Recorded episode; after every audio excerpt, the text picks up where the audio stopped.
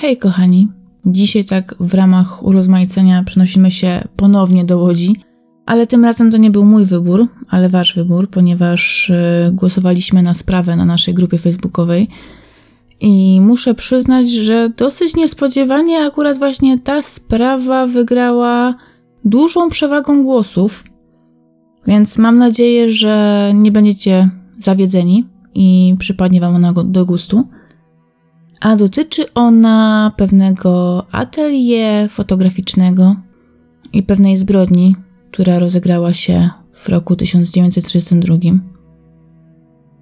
Tak więc serdecznie zapraszam Was do wysłuchania dzisiejszej historii. Mamy czerwiec 1932 roku, Łódź. Przy ulicy Przejazd 46, czyli dzisiejszej ulicy Tuwima, znajduje się zakład fotograficzny. Jeszcze do niedawna prowadzony był przez dwóch wspólników, Wilczewskiego oraz Grabowskiego. Niestety, jak to często w interesach bywa, kiedy nawarstwiają się problemy i nieporozumienia, to i wspólny interes się kończy. I tak też było w tym wypadku. Niespełna rok wcześniej panowie ze względu na liczne sprzeczki i nieporozumienia zdecydowali się zakończyć swoją współpracę. Oficjalnym i jedynym właścicielem atelier stał się Władysław Wilczewski. Nie wiodło mu się jednak najlepiej. Na rynku pojawiła się dość spora konkurencja. Wilczewski tracił więc klientów, a sam zakład z miesiąca na miesiąc przynosił coraz mniejsze zyski. Fotograf zaczynał popadać w długi. Zalegał z czynszem już trzeci kwartał. Nie zapłacił też dozorczyni, którą wynajął w charakterze sprzątaczki. Zwolnił również retuszerkę, która pracowała z nim w zakładzie przez ostatnie parę miesięcy. Nie stać go po prostu było na to, aby płacić kobiecie, przejął więc również jej obowiązki. I nie lepiej było również w życiu osobistym fotografa. Władysław, co prawda, miał żonę oraz synka, ale Maria Wilczewska wystąpiła o separację z mężem i wyprowadziła się wraz z dzieckiem do Łomży, gdzie mieszkała jej matka, z którą zamieszkała. Mężczyzna starał się co prawda odwiedzać syna, ale nie miał ku temu zbyt wielu okazji. Wilczewski miał jednak opinię człowieka porządnego i uczciwego, pomimo swoich kłopotów. Zaciągał więc pożyczki u swoich znajomych, licząc oczywiście na to, że kryzys jest jedynie chwilowy i wkrótce minie, a ci, wiedząc, że jest on człowiekiem prawym, bez problemu mu tych pożyczek udzielali.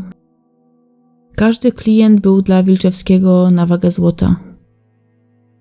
I taki klient pojawia się w progu jego zakładu 14 czerwca 1932 roku, tuż z samego rana, zaraz po ósmej. Było to zaledwie chwilę po otwarciu. Według jednych źródeł jest to pan Hess, według innych Stanisław Majewski, fotograf amator. Częściej jednak powtarza się nazwisko Hess, więc i ja będę go używać. Ale bez względu na personalia, klient zagościł w fotograficznym atelier Wilczewskiego, ponieważ posiadał do wywołania kilka klisz ze swoich wycieczek fotograficznych. Pomieszczenie jednak było puste. Mężczyzna głośno zatrzasnął drzwi, aby dać do zrozumienia właścicielowi, że właśnie ktoś chętny na jego usługi zawitał do jego zakładu i czeka. Ale odpowiedziała mu głucha cisza. Dla Hesa było to podejrzane. Drzwi do zakładu były otwarte, a w pomieszczeniu nie ma nikogo, kto mógłby go obsłużyć? Mężczyzna zaczyna więc chrząkać oraz szurać butami po podłodze. Może właściciel zajęty w saloniku obok nie słyszy, że ktoś czeka i się niecierpliwi. Normalnie Hess powinien opuścić zakład, ale bardzo zależy mu na oddaniu klisz. Zaczyna więc rozglądać się po atelier i dostrzega czerwoną, zakrzepłą stróżkę wypływającą spod portiery, czyli spod grubej zasłony, która rozdzielała lokal na dwie części. Mężczyzna wystraszył się, że być może właściciel zakładu doznał jakiegoś krwotoku i leży teraz nieprzytomny. Prędko odsłania więc kotarę i rzuca się na ratunek. Szybko jednak okazuje się, że na jakąkolwiek pomoc jest już zbyt późno. Władysław Wilczewski, właściciel, leżał obok kotary, częściowo w nią zawinięty. Prawdopodobnie wpadł na nią podczas próby obrony przed napastnikiem. A wiadomo, że musiał być jakiś napastnik, ponieważ u fotografa można było zauważyć dość spore rany, zadane najprawdopodobniej jakimś tępym narzędziem w głowę. Ciosy te musiał wykonać ktoś, kto miał dość sporo siły w rękach, ponieważ były dosyć głębokie. Ewidentnie nie było tutaj mowy o nieszczęśliwym wypadku. Przerażony klient ucieka. Szybko kieruje się do pobliskiej elektrowni mieszczącej się przy ulicy Przejazd 50, czyli zaraz w sąsiedztwie. Zresztą pracuje w tej elektrowni. Pilnie prosi o telefon i od razu telefonuje na 8 Komisariat Policji w Łodzi, mieszczący się przy ulicy Nawrot 58 i informuje o swoim odkryciu. Chwilę później na miejscu pojawia się komisarz Elzeser Niedzielski wraz z paroma innymi funkcjonariuszami. Nie będę przytaczać wszystkich nazwisk, ponieważ nie ma to za bardzo chyba sensu. Zaczynają się oględziny miejsca zbrodni. Lekarz sądowy, dr Hurwicz, stwierdza, że rany głowy zostały zadane z nienacka. Wilczewski raczej nie spodziewał się ataku. Najprawdopodobniej w tym momencie przygotowywał się właśnie do pracy, ponieważ na stoliku żarzyła się czerwona lampka, która służyła mu do wywoływania klisz. A sam mężczyzna odziany był w czarny fartuch, który zakładał właśnie do pracy. Nadmienić tutaj trzeba, że nasz fotograf prawdopodobnie również ze względu na swoje problemy finansowe pomieszkiwał w swoim zakładzie i było to dla niego nie tylko miejsce pracy, ale również miejsce snu i wypoczynku. Za łóżko robiło mu kilka połączonych ze sobą krzeseł przykrytych kołdrą. Prócz prowizorycznego posłania w pomieszczeniu stał również stolik, na którym funkcjonariusze znaleźli niedopitą herbatę oraz resztki niedojedzonej kolacji. Jak na prędce udało się dowiedzieć policji, Wilczewski ostatni raz był widziany wieczorem poprzedniego dnia, koło godziny siódmej wieczorem, w sklepie naprzeciwko, jak kupuje chleb i masło na kolację. Ustalono, że właśnie chwilę po siódmej musiał zostać zaatakowany. Świadczy o tym fakt, iż nie zdążył zamknąć na klucz swojego zakładu mieszkania. Ponadto sąsiedzi donosili, że Wilczewski miał zwyczaju słuchać dość głośno audycji radiowych, zwykle wieczorem koło godziny 22-23, a tego dnia, a raczej już nocy, z zakładu nie wydobywały się jednak żadne dźwięki. Jedynie głucha cisza. Wstępnie założono, że fotograf został zaatakowany niespodziewanie przez kogoś, kogo znał. Świadczył o tym ład i porządek, jaki zastano w pokoju, nie widać było żadnych śladów walki. Wilczewski został zaskoczony przy pracy podczas spożywania kolacji. Najprawdopodobniej nie czuł się skrępowany obecnością swojego gościa, jeżeli oczywiście wiedział o jego wizycie. Przy nim się posilał oraz zaczął pracę. Zakład fotograficzny Wilczewskiego posiadał dwa wejścia. Wejście główne od ulicy Przejazd, które było otwarte – oraz tylne, które pozostawało zamknięte. Było więc jasne, że osoba, która dokonała zbrodni na fotografię, raczej weszła drzwiami frontowymi. Być może nawet widział ją ktoś z sąsiadów. Pierwszym, co próbowała ustalić policja, tak aby móc jakoś ustalić pierwszych podejrzanych, to był motyw zbrodni. Wilczewski nie należał do żadnej partii politycznej. Na wstępie więc wykluczono zbrodnię z podtekstem politycznym, gdyż nie miała ona najmniejszego sensu. Mieliśmy tutaj do czynienia z człowiekiem, który był całkowicie apolityczny. Dodatkowo wykluczono motyw rabunkowy. Na pierwszy rzut oka nic nie zginęło. Właściciel zakładu wciąż miał na sobie złoty zegarek, który nie został mu skradziony. W jego kieszeni znaleziono 18 zł, na które również nie połasił się napastnik. Dodatkowo, jak wspomniałam, w pomieszczeniu panował porządek. Nie było widać żadnych śladów przeszukania, co zwykle jest pierwszym, co rzuca się w oczy przy napadzie rabunkowym. Policja założyła więc, że zbrodnia została dokonana ze względu na motywy erotyczne. I miało to nawet sens, gdyż w toku śledztwa ustalono, że choć Wilczewski miał opinię dobrego i uczciwego obywatela, to jednak nie do końca był on tak porządny i cnotliwy, jakby się mogło wydawać. Funkcjonariusze, którzy przeszukali zakład, a jednocześnie mieszkanie Wilczewskiego, natrafili na korespondencję Denata oraz jego małżonki. Listy te były datowane na rok 1931. Pani Wilczewska upominała w nich swojego męża, że ten nie wysyła jej żadnych pieniędzy na syna Stanisława. A przecież dziecko, nawet jeżeli jego rodzice żyją w separacji, nadal jest wspólne. Dodatkowo kobieta czyniła też mężowi wyrzuty, jakoby ten notorycznie ją zdradzał z paniami lekkich obyczajów, co miało być też gwoździem do trumny ich małżeństwa. Listy te bardziej utwierdziły policję, że motyw rabunkowy raczej nie wchodził w grę. Wilczewski był zadłużony u wielu ludzi. Teraz dodatkowo okazało się, że nie był również w stanie łożyć na swoje dziecko – więc raczej nie posiadałby nic na tyle cennego, co mogłoby zwrócić uwagę złodzieja. Za to jego rzekome relacje z łódzkimi nierządnicami umocniły w śledczych motywację romantyczno-erotyczną. Tym bardziej, że sąsiedzi potwierdzili, że w atelier Wilczewskiego ostatnio dosyć często wieczorami gościli jacyś jego znajomi oraz panie do towarzystwa. Zresztą wśród korespondencji Wilczewskiego, prócz wspomnianych listów od żony, znaleziono również wiele argumentów przemawiających za tym, że co najmniej z dwiema paniami lekkich obyczajów fotograf utrzymywał kontakty stałe oraz nawet całkiem zażyłe.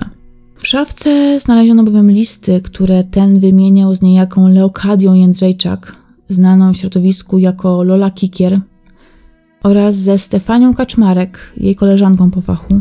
Leokadia była zaledwie dwudziestoletnią dziewczyną, która już od wielu lat zarabiała swoim ciałem.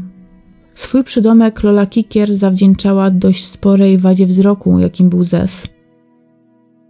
Leokadia, mimo młodego wieku, była dość znana policji. Odsiadywała już wyroki więzienia w związku z kradzieżami. Nic więc dziwnego, że wzbudziła podejrzenia funkcjonariuszy.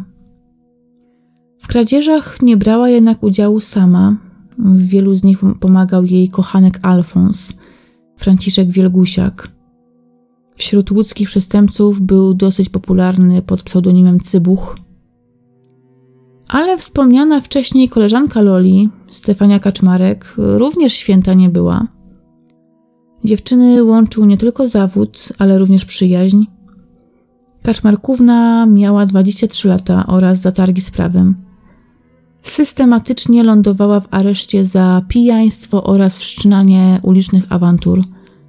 Zresztą nie inaczej jej opiekun, Adam Majkowski. Był to 25-letni mężczyzna, który już wielokrotnie był karany za kradzieże. Na wolności był zresztą dopiero co od niedawna, ponieważ mury więzienne opuścił niespełna dwa miesiące temu, dokładniej mówiąc 26 kwietnia 1932 roku. Oczywiście odsiadywał tam karę za kolejną kradzież. Początkowo policja zakładała, że cała szajka może być winna śmierci fotografa. Być może doszło między nimi do jakiejś sprzeczki, może Alfonsi zaczęli być zazdrośni o swoje dziewczęta, a może po prostu Wilczewski wiedział coś, czego wiedzieć nie powinien. Może którejś z dziewczyn rozwiązał się język i powiedziała mu za dużo, i teraz trzeba było zająć się problemem. Ta hipoteza upadła jednak dosyć szybko, bo co prawda Lola oraz Stefania się przyjaźniły, ale były to czasy zamierzchłe. Wśród bałuckich oprychów y, nie było tajemnicą, że między Cybuchem a Majkowskim ostatnio doszło do poważnej utarczki, która zakończyła się bójką oraz przyjaciół uczyniła wrogów. Do sprzeczki miało dojść w kwietniu tuż po wyjściu Majkowskiego z więzienia. I cała ta wielka afera rozegrała się o palto, które Majkowski pożyczył Cybuchowi przed swoją odsiadką. Wielgusiakowi miało się ono spodobać tak bardzo, że nie miał najmniejszej ochoty na to, aby zwracać okrycie właścicielowi. Miało to rozwścieczyć Majkowskiego, który rzucił się z pięściami na cybucha. Od tej pory mężczyźni uchodzili w bałuckim półświadku za nieprzejednanych wrogów. Jeżeli ciekawi Was, kto wygrał bitwę o Palto, to niestety muszę Was rozczarować, gdyż nie wiem. Chociaż mam pewne przypuszczenia, o czym powiem Wam nieco później. Krzyżowało to nieco szyki policji, która straciła jedną ze swoich teorii. Jeżeli Cybuch oraz Majkowski żywili do siebie wrogość, niemożliwe jest, aby w zmowie dokonali napadu na Wilczewskiego. No, ale skoro nie razem, no to może osobno. Zaczęto więc przyglądać się Loli Kikier oraz Cybuchowi. Leokadia nie miała stałego dachu nad głową. Nocowała trochę u Cybucha, trochę u klientów, ale ostatnio najczęściej właśnie u fotografa Wilczewskiego. Plotki głosiły, że Lola nawiązała głębszą relację z mężczyzną. Nie traktowała go już jak zwykłego klienta, a jak kogoś więcej, co oczywiście nie podobało się Cybuchowi, który co prawda akceptował zawód swojej ukochanej, no był przecież jej Alfonsem, więc musiał go akceptować. Ale wiecie jak to jest. Kucharz może gotować za darmo jedynie we własnym domu. Kiedy jednak gotuje komuś obcemu, nie pobiera za to żadnej opłaty, no to jest już jawna zdrada. A takiej zniewagi Wielgusiak nie mógł zdzierżyć. A Lola Cóż, korzystała z uprzejmości Wilczewskiego. Nocowała u niego często i z chęcią. A że mężczyzna miał problemy finansowe, to też nie płacił jej za usługi. A przynajmniej nieregularnie. Policja założyła, że mógł to być dobry motyw dla wściekłego cybucha. Zwłaszcza, że plotki mówiły też o tym, iż panna Leokadia raczej nie opierała się zalotą fotografa, i sama również dosyć chętnie się do niego wdzięczyła. Nie wiadomo, czy stała za tym jakieś prawdziwe uczucie, czy Lola po prostu cieszyła się, że ma dach nad głową. Rozpoczęto więc poszukiwania pary i faktycznie coś mogło być na rzeczy, ponieważ od 14 czerwca nikt ich w Łodzi nie widział. Czyżby więc narzeczeni uciekli, czując na karku oddech stróżów prawa? Wszystko na to wskazywało. Niestety okazało się, że i tym razem policja była w błędzie. Lola i Cybuch faktycznie zniknęli z łodzi, ale już na 10 dni przed dokonaniem zbrodni w zakładzie fotograficznym. Potwierdził to nawet Wydział Sanitarno-Obyczajowy, w którym Jędrzej Czakówna zgłaszałaś na kontrolę.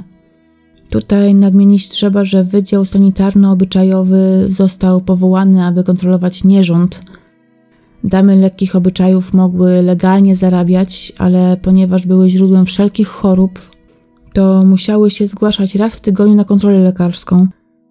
I taki właśnie urząd potwierdził, że Leokadia Jędrzejczak zgłosiła, iż wyjeżdża na wieś i przez jakiś czas nie będzie w stanie pojawiać na kontroli medycznej. A było to na początku czerwca, Wykluczało więc to jakikolwiek udział w zbrodni Loli i jej narzeczonego Alfonsa. Kolejny trop policji okazał się błędny.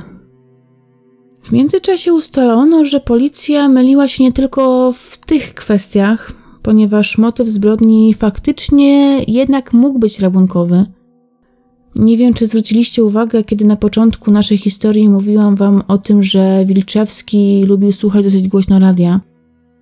Policja przeszukując zakład fotograficzny nie znalazła jednak żadnego radioodbiornika. Dodatkowo skradziony został również płaszcz właściciela. Jak widzicie, król złodziei raczej nie zawitał do atelier przy ulicy Przejazd. Tym bardziej, że cenny złoty zegarek został na nadgarstku ofiary, a ukradzione zostało radio oraz palto. Ciężko więc uwierzyć, że dla tak skromnych łupów ktokolwiek byłby skłonny dopuścić się takiej zbrodni i pozbawić kogoś życia. Ale jednak fakty mówiły same za siebie. Tym samym policja zaczęła badać ostatni trop. Stefanię Kaczmarek oraz jej Alfonsa Adama Majkowskiego. I tak naprawdę pech chciał, że dzień po dokonaniu zbrodni Majkowski został złapany przez policję z piątego posterunku policji w Łodzi podczas próby ucieczki na ulicę Piłsudskiego. Wtedy jeszcze nie zdawano sobie sprawy, że to jest ten Majkowski, który łączony jest ze zbrodnią na Wilczewskim. Około trzeciej nad ranem 15 czerwca mężczyzna wybił szybę w gablotce sklepu znajdującego się przy ulicy Południowej 26. Pochwycił on dwa flakony perfum i zaczął uciekać. Jednak posterunkowe wlazło, nie dał za wygraną. I choć Majkowski starał się jak mógł, aby zgubić funkcjonariusza, ostatecznie mężczyzna został złapany. Złodziej odziany był w dziwny, elegancki i zbyt duży jak na niego płaszcz. Dziwny zbieg okoliczności sprawił, że dokładnie tej samej nocy, której Majkowski został zatrzymany za kradzież, do celi obok za zakłócanie porządku trafiła jego kochanka, Stefania Kaczmarkówna. Co prawda, mężczyźni trzymani byli osobno, ale cele sąsiadowały ze sobą i osadzeni mogli spokojnie ze sobą rozmawiać. Początkowo para czyniła sobie wzajemnie wyrzuty. W końcu raczej przykładni obywatele nie wpadają na siebie przypadkiem na komisariacie policji, prawda? Oboje więc czynili sobie wyrzuty względem aresztowania. Ale ponieważ zrozumieli, że przyganiał kocioł garnkowi, ich rozmowa szybko skierowała się na inne tory. Rzekomo właśnie tej nocy Stefania miała wypowiedzieć takie oto słowa skierowane do Majkowskiego. Adam, czy wiesz, że on już nie żyje? Już go odwieźli do prosektorium. Co mężczyzna miał skomentować wymownym milczeniem. Wraz z Majkowskim w celi siedzi niejaki Osjasz Berger, który w tej historii odegra jeszcze dosyć ważną rolę. Na razie jednak musi nam wystarczyć informacja, że ktoś taki jak Berger w ogóle jest, istnieje i towarzyszy Majkowskiemu tej nieszczęśliwej nocy. Oczywiście policja dosyć szybko łączy Majkowskiego ze zbrodnią przy ulicy Przejazd. W oczy od razu rzuca im się płaszcz, który miał na sobie mężczyzna – Ewidentnie palto było skrojone nie na niego, ponieważ wisiało na nim jak jakiś worek na ziemniaki, tylko kolor miał inny, bo zielony. Śledczym oczywiście nie umyka informacja, że jedną ze skradzionych fotografowi rzeczy był właśnie płaszcz. Rekwirują odzienie i decydują się na ukazanie palta bliskim Wilczewskiego – Zarówno żona, jak i teściowa telefonicznie udzielają policjantom informacji, że płaszcz fotografa posiadał na prawym ramieniu dziurki, które zostały wygryzione przez mole. Była to dosyć konkretna wskazówka i faktycznie odzienie zarekwirowane Majkowskiemu takowe dziurki posiadało. Aby mieć jednak stuprocentową pewność, płaszcz został również okazany znajomym Denata – stróżce, retuszerce oraz sąsiadom. Wszyscy oni potwierdzili, że jest to własność Wilczewskiego. Ale nawet to jeszcze policji nie wystarczyło. Palto zostało wysłane do Łomży, do żony nieżyjącego fotografa. Kobieta zaniosła płaszcz do krawca, który go uszył, a ten ostatecznie potwierdził, że jest to narzuta, którą uszył właśnie dla Władysława Wilczewskiego. Tym oto sposobem policja utwierdziła się w swoim przekonaniu o udziale Majkowskiego w zbrodni. Ale co z radiem, które zaginęło? I tutaj na scenę wkracza właśnie wspomniany przeze mnie wcześniej Osjasz Berger. Donosi on policji, że Majkowski miał do niego nietypową prośbę. Chciał, aby Berger odszukał dwóch ludzi, którym Majkowski sprzedał radio i poprosił ich o to, aby na razie nie sprzedawali go dalej. Nabywcami radia mieli być Leib Grossman i Leib Adamowicz.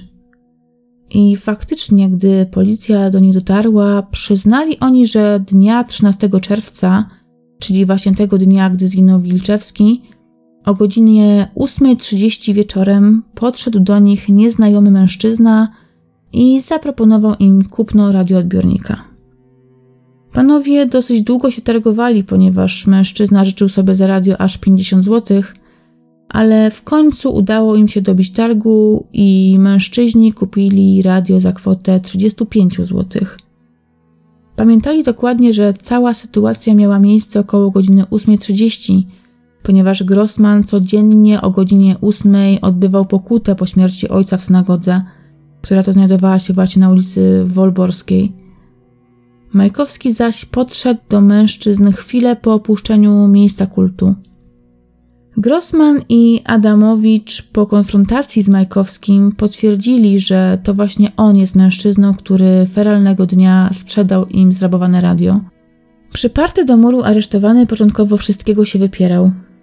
Twierdził, że radio kupił już jakiś czas temu od swojego znajomego na rynku bałuckim.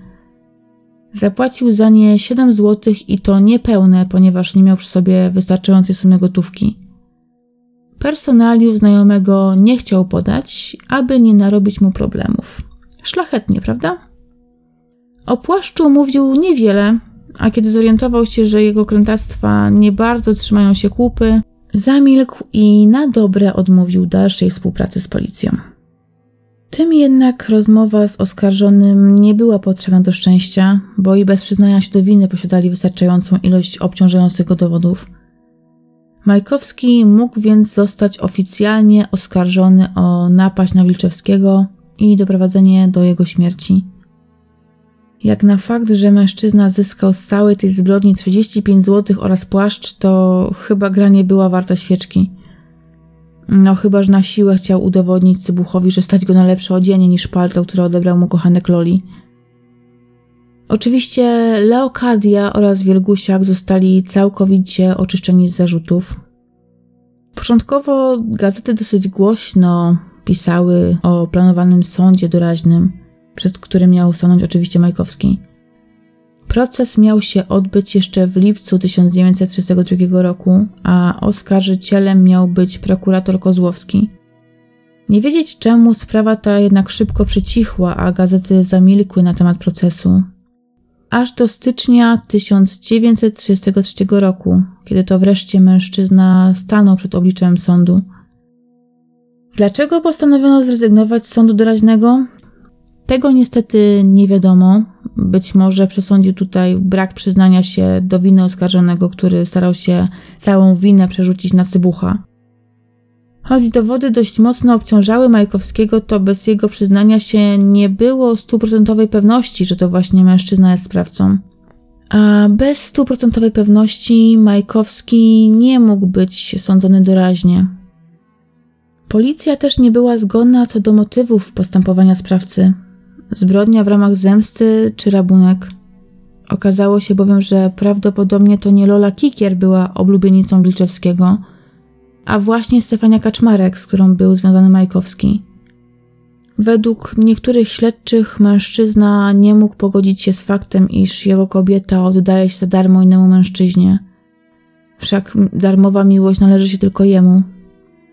Dodatkowo w trakcie prowadzenia śledztwa wyszło na jaw, że Wilczewski miał zwyczaju fotografować Kaczmarkównę, w dość odważnych pozach zresztą, co oczywiście również raczej nie cieszyło Majkowskiego. Potwierdziła to zresztą sama Lola Kikier, która była świadkiem, jak mężczyzna wygrażał się fotografowi. Ale nie można było również zaprzeczyć, że Majkowski zrabował kilka rzeczy z miejsca zbrodni. Berger twierdził nawet, że gdy siedział z oskarżonym w celi, ten miał mu się przyznać, iż planował kradzież radioodbiornika, tylko radioodbiornika, ale został nakryty przez Wilczewskiego. Nie chciał, aby fotograf doniósł na niego, wszak dopiero co opuścił mury więzienne i jakoś nie spieszyło mu się do, do tego, aby tam wrócić. Postanowił więc go uciszyć raz, a porządnie. Sami przyznacie, że no, plan był genialny – Zamiast niewielkiego wyroku za kradzież, Majkowski postarał się o dużo wyższą karę za pozbawienie życia. Wobec milczenia Majkowskiego nie sposób było w pełni ustalić, która motywacja była tą prawdziwą, a co za tym idzie, sąd doraźny tym bardziej oddalał się wielkimi krokami. Sam proces, tak jak wspomniałam, ruszył dopiero w styczniu 1933 roku, dokładnie mówiąc 10 stycznia. Rozprawie przewodniczył wiceprezes sądu Ilinicz, Oskarżycielem był wspomniany wcześniej prokurator Kozłowski, a obrońcą Majkowskiego była pani adwokat Lewicka. Majkowski został opisany jako mężczyzna przystojny, o średnim wzroście, niskim czole i gęstych brwiach. Mężczyzna miał mrużyć oczy, gdy mówił, tak jakby chciał odgadnąć, co za chwilę powie jego rozmówca – Dodatkowo został obwołany człowiekiem przebiegłym, gdyż tutaj cytat porusza wargami, gdy mówi niezwykle mocno, otwiera szeroko usta, aż cały się krzywi. Oskarżony oczywiście idzie w zaparte i twierdzi, że ze zbrodnią nie miał nic do czynienia. Radio kupił na bałuckim rynku od swojego znajomego, którego personaliów nie wskaże ze względu na, jak to określił, solidarność koleżeńską. Przodownik służby śledczej Joachimiak, którego prasa obwołała polskim Sherlockiem Holmesem ze względu na to, że rozwikłał zagadkę zabójstwa Wilczewskiego, podczas składania zeznań stwierdził, iż Majkowski jest najbardziej wyrafinowanym zbrodniarzem, jakiego znał. Czyli możemy spokojnie twierdzić, że nasz Sherlock chyba zbyt wielu ich nie widział. Dodatkowo opisuje zatrzymanie podejrzanego, które jest nam już znane, więc nie będę go przytaczać. Podkreśla również, że rozmawiał z Bergerem, który poinformował go, że będzie musiał zmienić swoje zeznania przed sądem. Mężczyzna bał się zemsty znajomych Majkowskiego, a życie było mu jeszcze miłe. I w sumie chyba faktycznie miał się czego bać, bo znajomych, którzy zeznawali na korzyść Majkowskiego, była cała masa – Wielu z nich zeznawało przed sądem, jakoby widzieli oskarżonego na ulicy Wolborskiej w czasie, w którym miała zostać dokonana kradzież oraz zbrodnia w zakładzie fotograficznym. Dodatkowo próbowano udowodnić, że niemożliwe jest, aby Majkowski zabił Wilczewskiego, gdyż nie byłby w stanie znajdować się po godzinie siódmej wieczorem na ulicy Przejazd, a już godzinę później spokojnie sprzedawać radio na ulicy Wolborskiej – Oba te argumenty zostały jednak odrzucone. Sąd nie dał wiary świadkom. W większości zeznawał margines Łodzi, wielokrotnie już zresztą karany, dodatkowo utrzymujący bardzo bliskie relacje z Majkowskim. Świadkowie nie byli więc wiarygodni dla sądu. Zostało również udowodnione, że oskarżony bez żadnego problemu mógł dokonać zbrodni, a chwilę później sprzedać zrabowany sprzęt kilka ulic dalej. Przejście z ulicy Przejazd na ulicę Wolborską zajmował bowiem około 20 minut. Majkowski spokojnie więc mógł przejść tych kilka ulic i sprzedać radio Grossmanowi i Adamowiczowi. Berger faktycznie, zgodnie z tym co zeznał Joachimiak, informuje sąd o tym, że Majkowski jedynie prosił go o to, aby ten odnalazł mężczyzn, którym sprzedał radio i poinformował ich o tym, aby ci nie sprzedawali sprzętu dalej co i tak, choć w dużo mniejszym stopniu, obciążało Majkowskiego.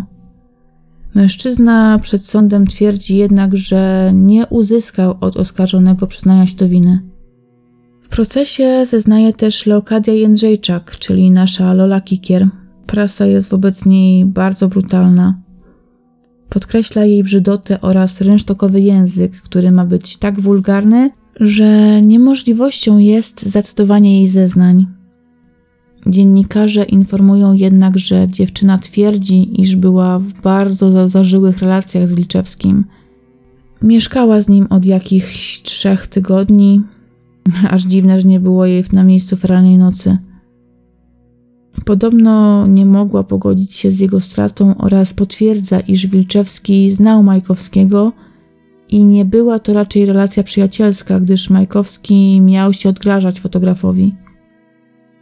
Oskarżonemu bowiem bardzo nie podobał się fakt, iż fotograf wykonywał zdjęcia Kaszmarkównie oraz ją bałamucił. Twierdził podobno, że jeżeli Wilczewski nie zaprzestanie swoich praktyk, to on, Majkowski, się z nim rozprawi.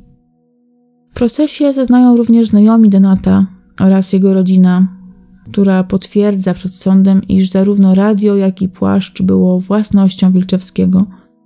Pojawia się oczywiście również Kaczmarkówna, która początkowo była brana pod uwagę jako wspólniczka swojego narzeczonego Alfonsa. Śledztwo wykluczyło jednak jej udział w zbrodni.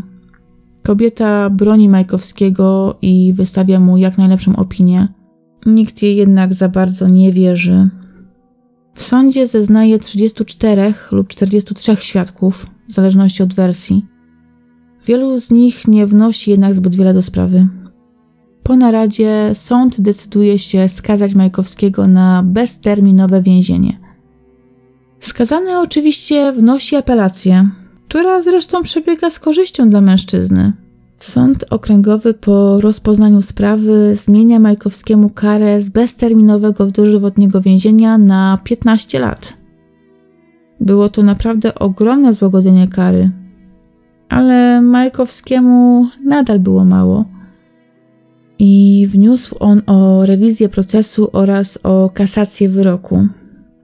Sam chyba nie do końca wierzył, że coś tym ugra, ponieważ w międzyczasie w swej szlachetności stwierdził, że chciałby pomóc innemu osadzonemu, który był jego kolegą.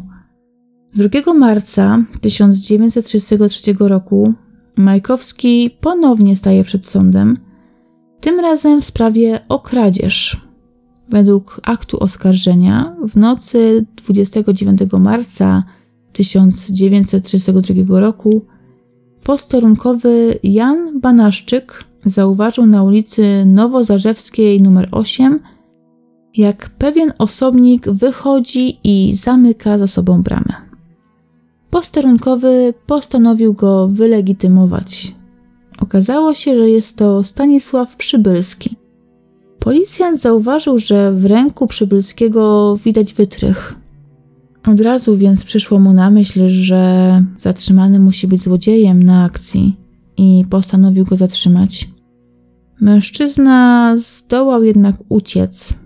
Podczas pogoni w pobliżu parkanu, przez który przeskoczył podejrzany, funkcjonariusz odnalazł pięć tobołków z galanterią skórzaną oraz z parasolami, której wartość oszacowano na 1609 zł. Okazało się, że dokładnie tej samej nocy został okradziony sklep galanteryjny Gliznera, a za Przybylskim rozesłano od razu listy gończe. I szczęście sprzyjało stróżom prawa, bo już 10 czerwca 1932 roku posterunkowy Strumiło natrafił na Melinę, w której urzędował m.in. podejrzany Przybylski. Tym razem mężczyźnie nie udało się już uciec. No dobrze, no ale co to wszystkiego ma wspólnego z Majkowskim? Ano Majkowski postanowił wziąć na siebie winę za włamanie. Twierdził, iż to on dokonał kradzieży wraz z dwojgiem innych swoich kompanów, których personaliów nie zdradzi, gdyż, jak pewnie się domyślacie, obowiązuje go solidarność koleżeńska. Sam Przybylski stwierdził, iż owszem, był na miejscu kradzieży, ale planował włamać się do jednej z komórek w celu kradzieży ryb. Uniemożliwił mu to jednak posterunkowy banaszczyk, więc Przybylski wziął nogi za pas i uciekł. Oczywistym było, że Majkowski chce wyświadczyć tutaj przysługę swojemu koledze. Jemu, skazanemu za morderstwo, nie robił już różnicy kolejny wyrok. Być może liczył na to, iż kolega, który wyjdzie na wolność, będzie dostarczał mu w zamian wałówkę do więzienia. Co zresztą usilnie podkreślał przed sądem prokurator Suski. Sąd jednak nie dał się wywieźć w pole. Widocznie nasz bohater nie był aż tak wyrafinowany i przebiegły, jak twierdził polski Sherlock Holmes. Majkowski został skazany na dodatkowe 3 lata więzienia za usiłowanie wprowadzenia w błąd władzy. Przybylski również usłyszał wyrok z 3 lat więzienia, ale za kradzież. Wybieg mężczyzn więc się nie udał. Majkowski jednak jeszcze nie zszedł ze świecznika. Chyba spodobało mu się bycie na wokandzie sądziowskiej.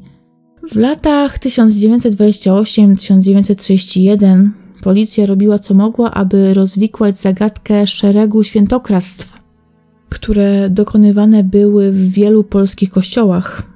Najczęściej łupem złodzieja padały kościoły w okolicach Łodzi. Koluszkach, Żgowie, Szatku, Pabianicach, Konstantynowie, Ozorkowie i innych miastach i miasteczkach. Okazało się zupełnie przypadkiem, że to właśnie Majkowski uczynił sobie taki dochodowy interes z okradzania kościołów. Gdy łupem jego padały puszki z datkami, przygarniał pieniądze dla siebie, a gdy rabował złote łańcuchy, kielichy i inne sprzęty kościelne, sprzedawał je swoim paserom. Mężczyzna bez skrupułów przyznał się niemal do wszystkich zarzucanych mu czynów. Zaprotestował jedynie przy kradzieży w szatku, gdyż jak twierdzi, tego nie mógł dokonać, ponieważ siedział wtedy w więzieniu za kradzież złotego zegarka. A jak powiązano Majkowskiego z kradzieżami? No, tym razem nie zachował się on szlachetnie i to nie on sam się do tego przyznał, ale donieśli na niego właśnie paserzy, u których znaleziono jeszcze część niesprzedanych sprzętów kościelnych. I właśnie oni wraz z mężczyzną zasiedli na ławie oskarżenia. Majkowski został skazany na łączną karę 51 lat więzienia, ale ponieważ kradzieże te zbiegały się ze sobą, sąd zmniejszył Majkowskiemu karę do lat czterech. Sama rewizja procesu chyba raczej nie miała miejsca, ponieważ prasa nic już na ten temat nie pisała i nie informowała, więc Majkowski prawdopodobnie odsiedział swoje. Gazety zamieściły kilka zdjęć naszych bohaterów, które oczywiście umieszczę Wam na Facebooku, na naszej grupie, gdybyście mieli ochotę sprawdzić, jak wyglądała Lola Kikier albo Kaczmarkówna. A ja dziękuję Wam za wysłuchanie dzisiejszej historii i za wszystkie słowa wsparcia, które otrzymałam od Was pod ostatnim postem. Mam nadzieję, że usłyszymy się niedługo.